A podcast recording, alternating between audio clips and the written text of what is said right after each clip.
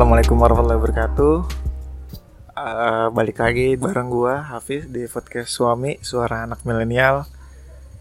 Kali ini gua ditemenin sama salah satu teman kuliah gua dulu asik. Oke, gue perkenalin nama temen gua Oki Ramanda, biasa dipanggil Oki. Sekarang masih gimana? Kuliah lu masih ya?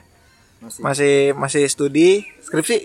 ya Ya, like- empat. Empat lagi lagi doain tuh lagi skripsi lagi nyambi ah lagi skripsi nyambi jadi barista asik. Jadi barista di salah satu kafe namanya ekologi ya nggak? Ya betul di sekali Jogja. Langsung gue mau nanya aja nih ke beberapa pertanyaan. Ah sekarang lagi zaman banget toko kopi bener gak sih? Bener di mana aja ada kopi kopi up, pasti up, kopi A kopi B C D. Nah menurut lu? Kebanyakan kopi yang jiwa-jiwa sekarang. Menurut lu gimana eh, apa yang bakalan buat kedai atau usaha kopi itu bertahan? Kalau dari gue sih lebih ke konsisten rasa ya. Karena kalau kita cuman buka kedai kopi cuman ngandalin instagramable tempat ataupun apa pasti ada masanya kalau yang kayak gitu. Tapi kalau lo mainnya di konsisten si rasa dari awal rasa lo enak sampai seterusnya terus enak ya, lo bakal dicari orang. Ya banyak beberapa contoh. Hmm. kedai kopi di Jogja yang masih bertahan masih survive karena dia memang benar-benar mempertahankan konsistensi rasanya sih kalau menurut gue sih kayak gitu. Hmm, oke oke. Ah, gue pengen tahu nih dari dari awal ya kita ngomongin dari basic dulu deh dari kopi sendiri kan. Kopi itu sebenarnya ada berapa macam jenis sih basicnya? Apa yang yang gue tahu tuh cuma ada dua ya nggak sih? Arabica sama robusta. Itu apa Ad- pak? ada salah? lagi sih ada lagi sih. Cuman ya sependek sepengetahuan gue juga ada yang model liberica. Oh ah. model-model kayak gitu ada juga sih. Cuman gue juga memang nggak begitu mendalami ilmu kopi nih ya. Ah, ah. dan gue juga menjadi barista juga baru kan. Oh iya iya. Masih masih Oke. piyik gue masih piyik. Berarti intinya gini kita anggap aja yang yang yang lazim dipakai sama orang Indonesia gitu yang tahu. Yang lazim yang banyak dipakai di Indonesia ya cuman dua itu sih. Arabica sama robusta. Arabica sama robusta. Nah, itu bedanya apa tuh? yang ada dari di pasaran. dari apa namanya? Dari rasa dari apanya gitu. Bedanya apa tuh? kalau untuk perbedaannya ya kalau orang awam juga pasti tahu ya kan kalau Arabica basicnya asem Aha. kalau robusta basicnya pahit Ah. cuman bedanya Arabica itu dia lebih banyak flavor-flavor yang ngehiasin dari si beans itu sendiri ketika diseduh nantinya Hmm, Di- kayak rasa fruitinya itu buah Fruity, gitu ya. Oh, ya. itu arabica berarti ya. ya itu di Arabica sih yang gue tahu semen se- sependek pengetahuan gue ya sampai saat ini yang gue tahu ya yang rame flavor itu ya di Arabica Nah, karena terus, ah, apa ya di Arabica itu lu beda ketinggian nah ini seru nih. tumbuh Ah, tumbuh pohon kopinya itu ketinggi, ketinggian, ketinggian lokasi ya. lokasi Ah. lokasi tanamnya lokasi tanamnya Ah. bakal berbeda Jadi dari lokasi tinggi ngaruh. ngaruh satu, Terus yang gue tahu dari proses ininya nih panen. Pas, pasca panen, Panen. pasca panen juga ngaruh. Ah, itu kalau dari pasca panen apa aja tuh? kalau proses pasca panen yang gua tahu sih Ah. sampai saat ini wash. Ah, Eh, ya wash itu ada full wash ada semi wash kan. Ah, ah, terus ada wet hull. Ah, natural. Ah, honey ah. honey itu nanti dia ada yang black honey lah ada yang red honey lah Ah, ah, ah. terus eh, ya itu sih yang pendek pengetahuan gua ada yang aerob Kalau kalau dari aerob dan anaerob itu juga ada Kalau- juga kalau dari tadi nama-namanya jenisnya ah, kira-kira yang menjadi apa ya? Umumnya tuh apa gitu? Kalau di, di, di Indonesia biasanya dia pakai apa? Kalau pas di? Indonesia semuanya kepake Oh, sih itu kepake bis semua? Oh. natural itu mm, kepa natural banyak honey banyak mm.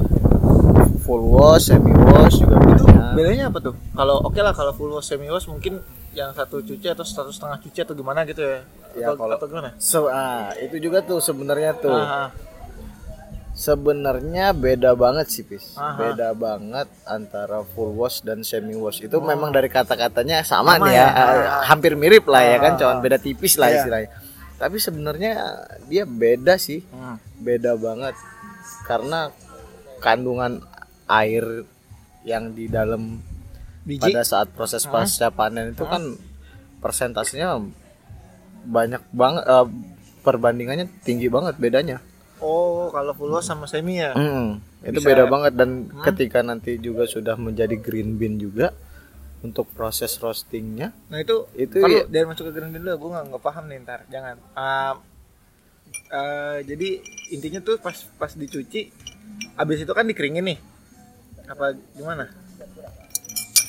gue kurang paham juga sih kalau untuk proses pasca panen ya Ah, ah, untuk proses pasca panen itu kalau nggak salah nih ah, ah. kalau yang full wash itu dia direndam langsung deh sebelum dijemur ya sebelum dijemur Nah, dia itu direndam abis dijemur baru namanya jadi green apa? Nah, Green nanti bean. udah, udah habis dijemur terus di ya kayak apa ya namanya dikupas atau gimana gitu. Ah, ah, ah. Itu baru jadi green bean sih kayaknya, kayaknya sih begitu. Gitu. Berarti berarti yang yang yang apa natural honey proses juga sama gitu ya? Sa- Kalau yang kayak natural itu Cuman prosesnya beda. prosesnya beda. Ah. Jadi kayak misalnya kayak natural itu kan dia kan natural itu dia lebih ke apa ya? Gue juga kurang kurang ngerti juga sih gua. Hmm. Kalau eh, oke kalau Ferment sih kalau nggak salah kalau natural itu lebih ke fermentasi sih dia. Oh, fermentasi. Mm-mm. Kalau honey kasih madu. Enggak sih kalau honey itu dia proses penjemurannya. Hah? Berarti ini belum bukan washing ya mas masuknya? Apa semua di washing apa gimana? Enggak, ada yang beda-beda pis. Oh gitu. Jadi ada yang dijemur bareng dijemur langsung barengan sama berry-nya sama maksudnya sama dagingnya. Sama dagingnya Ada yang dikupas dulu kulitnya. baru dicuci, Ada yang dikupas kulitnya terus dikeringin. dikeringin ya model-model gitu oh lah. gitu ya. Oke. oke. Oh. Itu itu intinya itu semua bakal ngubah rasa. Iya, berpengaruh sama rasanya nantinya. Oh, oke. Oke, berarti habis dari situ intinya jadilah si green, Green bean. bean itu. Nah, setelah dari green bean masuk ke roasting. dari green bean otomatis kan di roasting Ya, kan otomatis roasting. mungkin kita nyeduh biji Nah, hijau ya iya. kan Nah, balik lagi nih untuk pertanyaannya adalah ketika di roasting itu teknik ada berapa maksudnya ada berapa macam banyak teknik nih ya kan untuk roastingnya dong pasti ada dong ya kan. Iya. Nah, terus uh, apa aja deh yang lu tahu deh. yang gua tahu Hmm. karena gua sering ya lumayan sering sharing juga sama roaster gua yang ada di sini Hmm. yang gua tahu ya sementara ini baru ada slow roast sama fast roast Itu oke dua dua. Nah, itu bedanya apa tuh?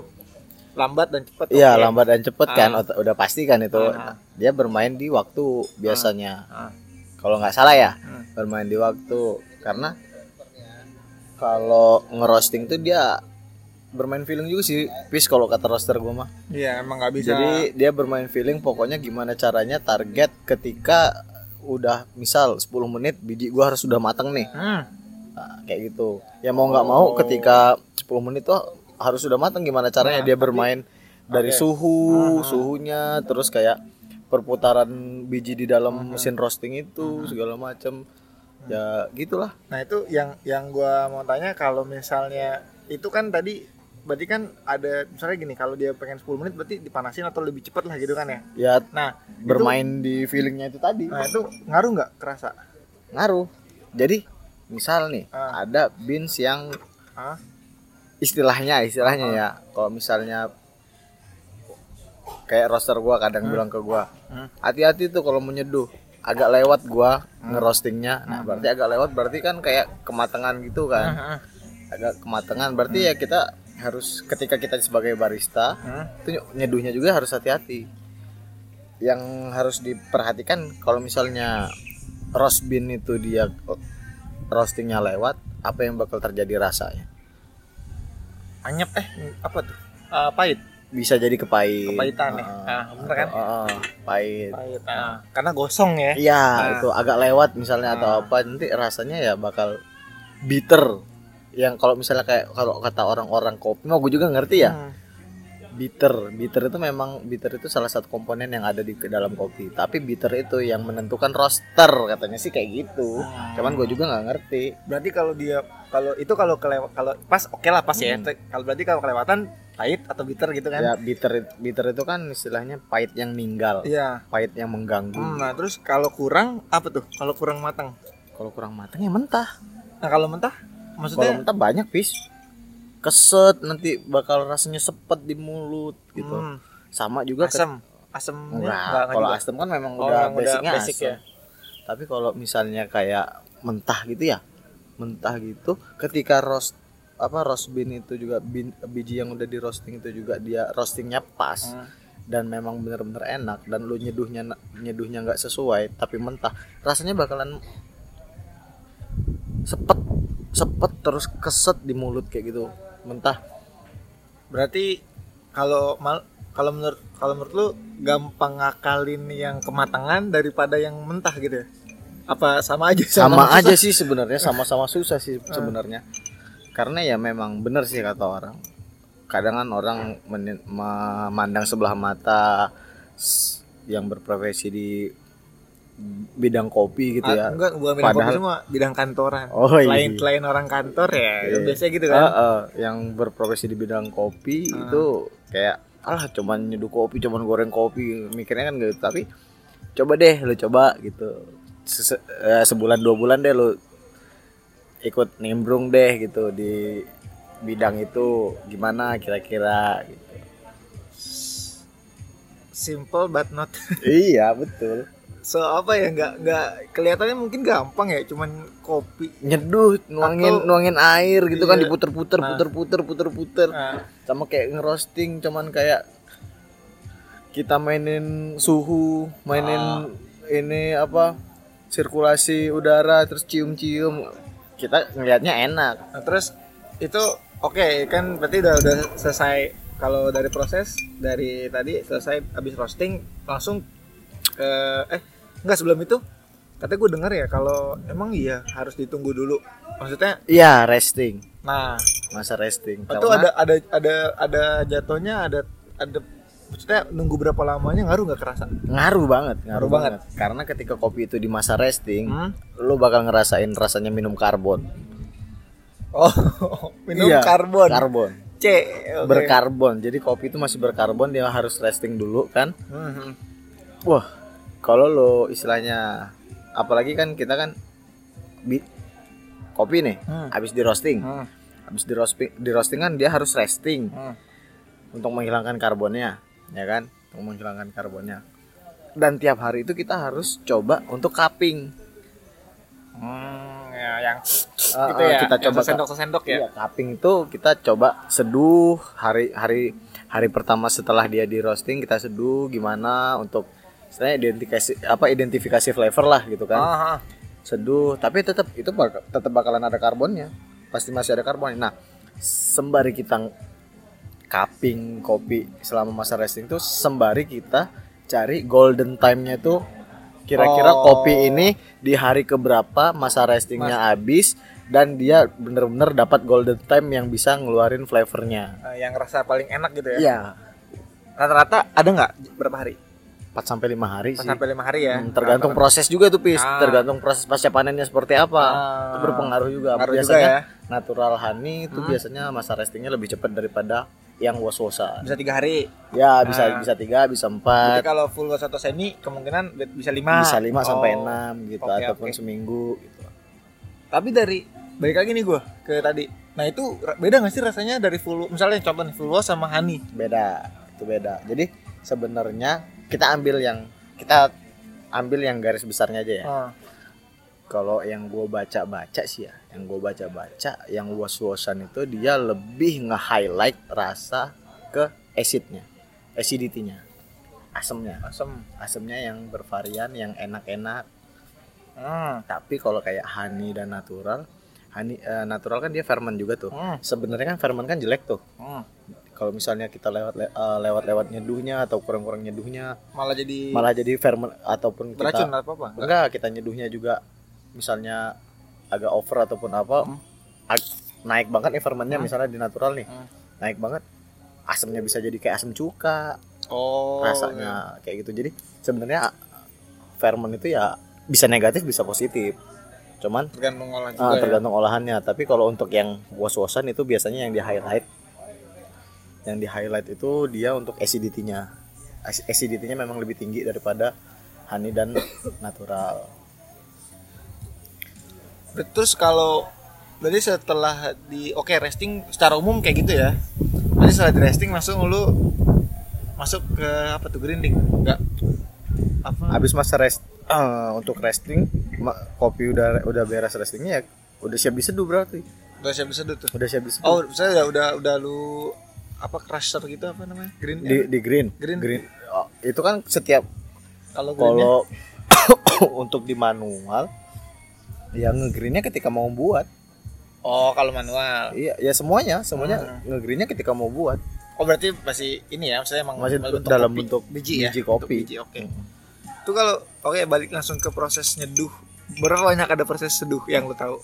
yang gua tahu ya ada pour pour over pour Ah. itu kayak V60 Ah. uh, kali tawe Nah, terus untuk yang manual ya Hmm. manual terus ada juga aeropress siphon itu di luar dari pour over Hmm. lupa gua nama Aeropress tuh yang di ya yang ditekan Kalau pullover apa tuh? kalau pour over itu yang model sejenis sejenis V60 Ah. kali wave itu masuk termasuk pour over tuh Oh. kayak istilahnya dia Oh, yang- divisi pour over gitu kan Oh, divisi iya, nih iya. Ah. divisi pour over kalau aeropress French press itu beda lagi dia bu nggak masuk Oh ya, Aeropress sama French press beda ya? beda beda beda alatnya Oh, intinya sama-sama di press. Iya. Oke. kalau kalau French press itu kan dia kan ngepres itu kan sekalian ngilangin ini kan nahan supaya Si ampasnya ampasnya itu di di bawah gitu kalau aeropress kan dia kan memang hasil dari aeropress itu Hmm. kan dia difilter Mhm. Terus kalau aeropress itu dia biasanya buat kopi bakal jadi lebih clean Jadi clean. clean Cleannya tuh clean itu bersih. Maksudnya clean tuh? ketika lu minum Ah, nggak ada ampasnya. bukan gak ada ampasnya di mulut Hmm. itu flavornya variatif tuh bervariasi Hmm. tapi ya cuman lewat gitu loh nggak ada yang ninggal ataupun apa itu namanya clean Oh. Jadi langsung benar-benar glek Lek, glek, nah glek gitu, ya, Bisa ya? Aeropress, Masa dari dari gitu ngaruh sih? ngaruh ngaruh banget Misalnya gue dari pakai biji kita pakai ngomongin biji yang sama nih, saya Ah. biji A gitu kan. Terus lu nyeduh gue pakai V60 pakai lo pakai aeropress Ya, kita pakai met, pokoknya pakai empat metode itu tuh. Ah. Itu rasa bakal beda semua. beda Semua. beda semua Walaupun dari tingkat kehalusannya sama iya ataupun suhunya sama suhunya sama. beda pasti. Beda. Oh, gitu. Jangankan itu ketika lu nyeduh nih Hmm. lu nyeduh pakai V60 Hmm.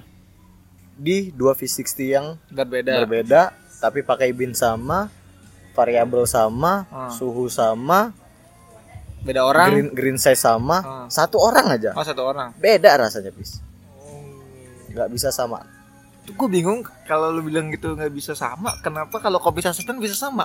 waduh kan kalau kopi sasetan beda bro kalau kopi sasetan itu kalau nggak salah sih powder kayaknya Gitu ya, waduh waduh. Terus gue minum dulu ya. oke deh Ben, itu tadi baru apa tuh? Empat tuh, apalagi tuh metode yang gue tahu ya ada Chemex Chemex itu Temek tuh apalagi baru tahu gue. ada Chemex Chemex itu dia bentuknya ya Hmm. bentuknya tuh kayak kayak V60 itu juga sih Hmm. cuman dia permukaannya lebih luas Hmm. sama filternya lebih tebel untuk nyaringnya kertas Hmm, filternya kertas filternya. Mm. Terus ada terus ada cold brew lah gitu cold brew cold brew. Kalau cold yang brew, biasanya yang kadangan sekarang lagi hype nih Oh. di pasaran nih gue juga cold coldan tuh pokoknya gue rasanya nggak suka deh. Cold coldan pokoknya yang cold brew Itu itu dia di gimana sih?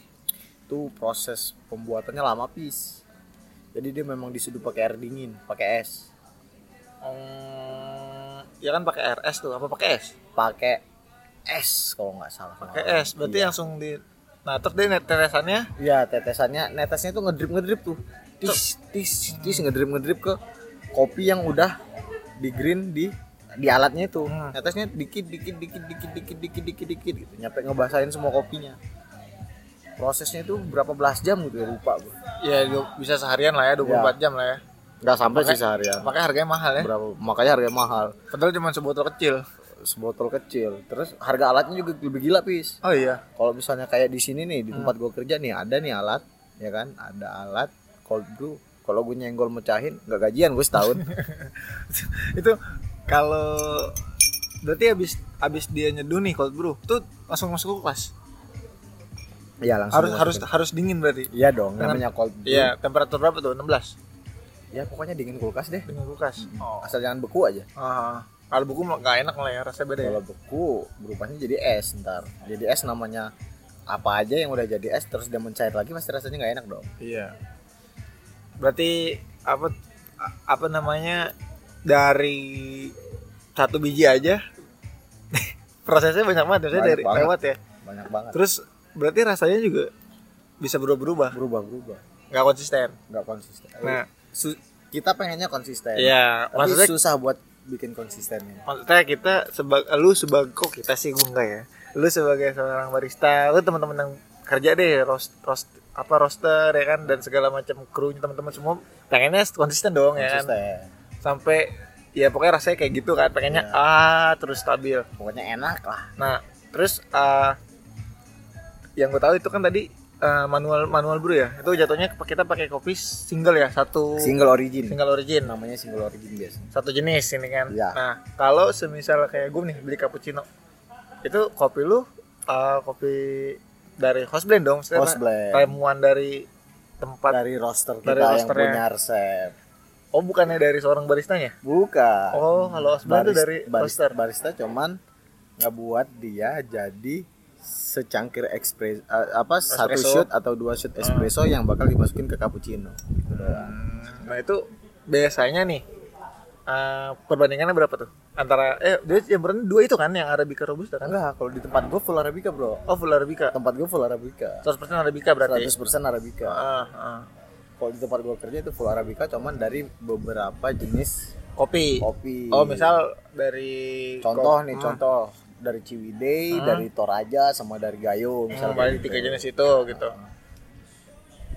Kalau ngaruh nggak sih? Maksudnya biasanya kalau gue pakainya dua nih arabica robusta gitu, itu ngaruh ngaruh ngaruh juga ke karena ah, ke espressonya lah karena kalau kayak gua full arabica espresso yang gua buat itu bak, eh, ketika lo kalibrasi kalibrasi kita nih cari rasa nih kalibrasi itu cari rasa terbaik espresso itu buat dijadiin americano buat dijadiin cappuccino buat dijadiin cafe latte itu rasanya mantap harus harus.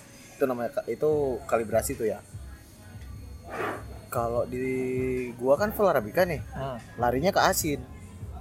Asin. asin. Lu pernah nyoba kecap asin? Ah, kalau lu salah salah kalibrasi kayak gitu rasa oke. Ah, gue baru tahu kopi ada asinnya juga ya. Gua- gua- asin itu kalau kita lihat nih kompas kompas ah. espresso nih ada Ah. kompas espresso ah, asin itu masuknya dia ke under under ekstrak jadi ketika an- ketik kalau misalnya espresso lu asin Ah. udah udah udah otomatis tuh under ekstraksi Terus kalau kompas espresso yang gue baca ya sama ah. teman gua terus kalau apa tadi gue pengen ngomongnya? Jadi lupa nih. Kasih kan kita ya. Enggak kalau kalau semisal kan espresso itu kan kalau gue bilang kok dikit ya saya satu shoot dua shoot gitu kan Iya. dikit tapi rasanya tuh bangsat gitu loh. Eh, nah, apa bedanya sama manual bro? ya beda dong dari proses proses dari beansnya aja beda espresso pasti kan dari house blend Nah itu maksud dari blend lah istilah Ah, ah, kan kalau kalau itu kan tapi dari sistem misalnya gini, ah, tapi bisa juga sih lu bikin espresso dari satu beans ya bisa kan? Bisa. Teman maksudnya ah, apa namanya? Ya nggak nggak nggak nggak rasanya nggak seenak yang lu blend gitu kan? Iya. Karena kan namanya blend kan nyampur, gitu kan? Nyampur. Nyampurin beberapa biar jadi Variasi. Kayak gado-gado lah Iya, dari gado-gado. macam-macam sayur. Heeh. Nah kan ini lu bikin sayur dari satu biji Heeh. doang Com- gitu kalau manual. Oh, oh. kalau misalnya is- ibarat manual itu cuma cak kangkung Nah, nah kalau misalnya yang yang espresso, blend itu gado-gado Gado. Nah, terus kalau semisal eh, apa sih namanya? eh, kalau host blend nih, misalnya di di apa namanya? dibikin manual manual, bisa juga bisa juga. Heeh. nggak apa-apa. cuman ya baristanya harus bener-bener pinter supaya Hmm, dari beberapa beans itu hmm. bisa ngeluarin semua rasanya dan jadi satu sama kayak di espresso makanya espresso itu kadangan dia rasanya misal nih dari yang beans ini Hmm. test note-nya ada pisang gini gini gini gini Hmm. dari beans ini test note-nya ada orange gini gini gini untuk asemnya ya itu nyampur Oh. acidity-nya dia orange Hmm. lebih ke orange-nya intens Hmm. terus manisnya manis pisang segala macam Oh iya. iya Hmm. Itu Maka- kalau makanya kadang kan ada tuh beans yang namanya kayak ada haluping banana ah, itu memang dari aroma ketika kita habis hmm. ngegreen terus ground beansnya yang sudah hancur-hancur itu Mhm. kita hirup kita fragr- fragrance-nya ya harumnya ya harum kadang harum pisang harum fruity lah gitu Oh, ya. ya pisang kadang pisang. pisangnya kental banget pis ada juga yang Oh, pisang gitu. kental banget Terus kalau misal nih eh, si apa namanya? Kan kalau kalau kalau manual brew udah pasti kan kayak contoh fisik gitu kan airnya banyak nih. Hmm. Nah, itu perbandingan antara kadar kopi sama air berapa dibanding espresso? Kalau espresso kan udah pasti air sama misalnya satu banding satu lah karena kan dikit kan. Mm. Kalau yang itu perbandingan berapa tuh? Atau Kalau beda manual brew itu tergantung variabel yang lo pakai Oh gitu. jadi variabelnya tuh ya misal nih lo pakai 15 gram Hmm. kopi hmm.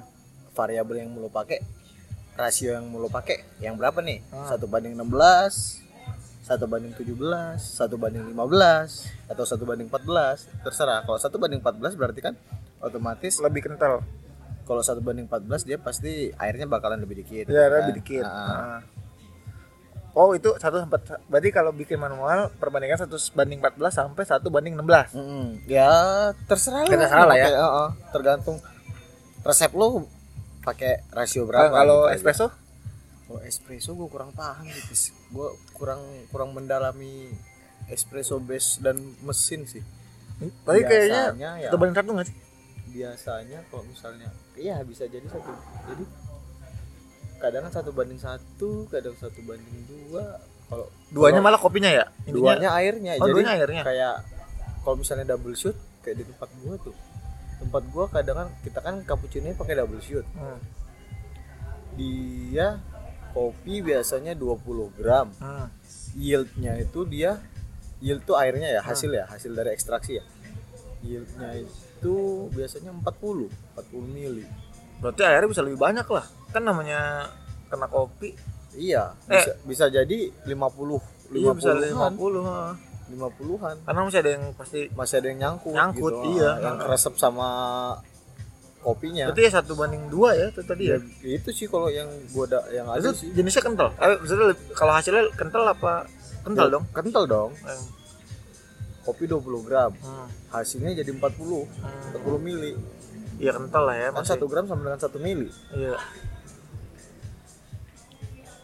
Itu intinya kalau espresso gitulah ya bedanya ya. cuman gue kurang paham sih mungkin kalau ada yang denger yang lebih pendekar ya mohon maaf ya kan namanya barista baru ya kan? Iya iya iya iya. taunya Hapi Japi saya nih yang ngajak-ngajak ngobrol. Ngobrol senja ini mah ya Iyo iya, yang penting kan bisa ngobrol. Nah terus eh apa sih namanya kalau lu sejak eh, sejak kapan sih lu tertarik jadi jadi jadi maksudnya gini pasti dong lu kan dulu iseng-iseng ngakru ya kan? Di Hmm. kafe karena kosong kelas apa kuliah kosong. Nah sampai bener-bener lu ngerasa tertarik gak sih sekarang di dunia perkopian ngerasa tertarik sih gue Nah, itu maksud gue eh gimana maksudnya gimana dulu lu ngeyakinin pertama mungkin kedua orang tua lu nih ya kan ngasih tahu terus eh awal-awal tuh lu cuman pengen kepo terus gimana caranya sampai bisa sampai sekarang gitu? Saya bisa bisa ngebarista di Gua suatu kafe gitu. gua itu awalnya ngekru Hmm. dari ngekru kan kita otomatis kan ngelihat terus tuh ah. teman-teman yang ada di bar. Hmm. kok kadang ngelihat temen-temen yang ada di bar dan nyicipin seduhannya kok ini kopi tapi kok rasanya rasa ada rasa pisang ada rasa ini. Gue heran di situ pis. Ah. awalnya. Oh. kopi arabica basicnya asem. Iya asem. Tapi kok asemnya bisa jadi asem kayak asem jeruk sankis segala Oh, iya? macam. Iya dari situ sih gue mulai tertarik Hmm. dan gua sebenarnya lebih tertarik ke manual manualan Hmm. Dari situ apa berarti ya emang dari situlah ya, tapi sekarang lu izin udah udah udah kan pasti lu ngomong dong sama orang tua lu kan. Terus kalau tanggapan orang tua lu gimana lu? Gimana nih? Maksudnya kan kalau lu kan tahu kan kayak apa sih seorang roster, apa sih seorang barista gitu kan namanya orang tua. kalau untungnya orang tua gua di, pemikirannya udah gua gua ajak pemikiran modern sih Hmm. mungkin ada beberapa keluarga gua yang apa kerjaan cuman tukang bikin kopi segala macam Ah. tapi kalau orang tua gua ya mudah-mudahan nih gua juga udah mungkin udah mantep dan sudah ngomong juga sama orang tua gua gua pengen buka kedai sendiri nantinya Oh, itu baru mau tanyain tuh. Hmm. Mau buka kedai di mana nih? Di Lampung. Eh, enggak sih, gue pengen untuk start up gua awal pertama di sini kedai kecil aja. Baru nanti setelah gue beres semua kuliah, gue bakal kembangin di Lampung juga. Dan di sini tapi nggak gua nggak gua open di sini tetap jalan Hmm. supaya tetap jadi satu alasan gue tetap balik ke Jogja. Terus kalau lu kan basicnya kuliah di peternakan nih, ya kan jauh banget lah sama pertanian kalau lu pengen usaha kopi gitu, maksudnya Iya. kayak nggak dapet ya nggak ada ilmu panen yang tadi gue bilang Iya. kan. Nah, eh, apa lu pengen ninggalin itu apa emang lu maksudnya sambilan juga pengen usaha di bidang per, peternakan juga gitu? Kalau untuk- Ah, Mikir masa depan ya, ah, gue pengen usaha usaha utama gue tuh di bidang peternakan. ah, tetap. Cuman karena apa nih? Ini hobi? passion gue gitu. Oke. passion gue di sini gue pengen tetap ya nyalurin passion gue lah di sini. Berarti kalau gue lihat ya jangan malu buat belajar aja ya. jangan malu buat belajar. Gue baru jadi barista mungkin baru tiga bulan terakhir. Tapi gue bener-bener ya roster gue itu salah satu coach gue juga di sini. Eh gue minta diajarin bener-bener diajarin sampai saat ini gue masih belum bisa identifikasi rasa kayak yang katanya ada favorite favorite gue cuman bisa tahu kopi tuh enak Hmm. sama enak banget gitu doang Oh gitu. Enak sama enak banget Iya. dong ya. jangan pokoknya nggak ada kopi yang nggak enak semua kopi itu enak atau enak banget itu aja Kalau apa sih namanya? Berarti total ya intinya pengalaman oke mungkin pengalaman barista lu baru berapa bulan tapi lu Iya. udah nge-crew dari tahun berapa? gua ngekru dari 2018 Baru 18 terus setahun Awal. lah ya. Iya setahun udah mau dua tahun Udah mau dua tahun malah ya. udah mau dua. Oh iya udah 19 udah, udah ya intinya udah udah jadi bagian dari tempat kopi mau dua tahun lah ya. iya Makanya lu bisa dibilang ya mungkin sedikit hatam dibanding orang awam. Iya. Kalau kalau perbandingan sama pro gue Iya, nggak bisa bilang. nggak bisa bilang. Iya belum bisa. Nah, kayak kemarin lu habis lomba juga nih ngewakilin ekologi nih Nah, buat manual brew nih. untuk manual brew makanya gua bilang gua semangat banget buat belajar bidang kopi Hmm. kebetulan kemarin gua ikut eh, kejuaraan Hmm. kompetisi di Jombang itu V60 Hmm. V60 Eh, namanya Jong Abang Brewing Cup Dong. Jong Abang Jong Brewing Abang Cup. Brewing Cup. ya nama kafenya tuh Jong Hmm. Abang tuh Jong Abang Brewing Cup Jombang Hmm. pesertanya dari Surabaya dari Malang Solo Kediri Gresik Madiun Hmm. Jogja Hmm. kebetulan yang dari Jogja gua yang berangkat yang yang dari Jogja baru cuman satu yang maju di sana cuman ekologi doang Ah. ya alhamdulillah kompetisi pertama gua gua bisa tembus di final Hmm. Apa juara berapa kemarin lu? peringkat lima gua gara-gara Oh, diskualifikasi bro Kenapa diskualifikasi? overtime bro Aduh. ya not bad lah untuk first tapi itu kan mungkin penilaian jelek di situ. Tapi kalau dari rasa gimana? untuk dari rasa oke Eh, untuk penilaian Hmm. gue masuk di tiga besar di tiga besar sebenarnya cuman karena gue overtime Hmm. Yang pertama gue overtime overtime itu dia ada pengurangan poin dan gue diskualifikasi. Fa- finalisnya ada lima karena gue diskualifikasi otomatis gue peringkat lima. Udah lu grogi ya? wah grogi banget bro. Asli grogi banget. Apalagi kita harus bikin tiga langsung sekaligus. Rasa harus sama sesuai dengan apa yang kita presentasiin. Nggak, nggak, nggak masalah lah Nggak maksudnya. masalah. ya sebuah apa ya maksudnya? Kes, ber- pengalaman ya kan? Sebuah pengalaman nilainya besar loh itu maksudnya. Ya lu bilang sendiri kan mungkin dari rasa lu nggak kalah ya karena pengalaman lu kurang jadi lu bisa overtime kan? Gue overtime nya sebenarnya di presentasi bro. Oh iya? Nah jadi kan kita kan harus mempresentasikan kopi kita nih. Ah, kita bawa kopi apa ah, dengan proses pasca panen seperti apa ditanam di ketinggian berapa ah. Berasal dari mana genetiknya apa terus jenisnya apa segala macam kayak gitu. Ya namanya baru pertama ya harus presentasi di depan tiga juri dan satu head judges. Hmm, gemeteran bro beneran. Iya sih. Saya sih no gitu ya. Ya, saya sih no. Waduh gemeteran banget sumpah. Kalau menurut lu nih buat ke depan peluang usaha di bidang kopi bakalan maksudnya bakalan kayak cuman zaman doang gak sih? Kayak dulu kan banyak tuh kue makanan gitu apa? Kalau menurut gua untuk di kopi nggak bakalan zamanan sih bro. Hmm. kalau menurut gue ya bis ya. Karena kopi itu bisa jadi merupakan salah satu kebutuhan nggak sih? Kebutuhan Hmm, manusia. Ya dari zaman dulu kopi itu dibutuhin di mana pun menurut gue ya menurut gue makanya ya kemungkinan besar ya nggak zamanan sih. Zamanan lah ya. Cuman yang zamanan mungkin kayak kopi susu kekinian segala macam yang seperti itu. Kenapa gue lebih fokus ke manual brew karena itu bener-bener kopi yang kita seduh dan kopi yang kita minum. Itu kalau lu nanti pengen buka yang versi manual brew apa yang kayak es kopi Gua- susu gitu? gue lebih fokus eh, ya es kopi susu kita pasti ada lah Pasti ya ada lah pasti ya. ada. Karena kan nggak pasar kita nggak cuman nggak cuman cowok ataupun yang pecinta kopi gitu kan. Pasar kita itu pasti kita cari namanya untuk usaha. Kan kita cari cuan nih. Ya kan? iya. Nggak mungkin kita idealis. Iya. Ya ada bangkrut dong kalau ide- idealis tapi idealis emang banget. gue juga baru-baru sekarang aja sih seneng es kopi susu gitu. Karena dulu emang gue nggak pernah beli kopi susu gitu saya paling kan kopi yang yang manual brew terus gitu Oh. kan nggak pernah pakai gula lah.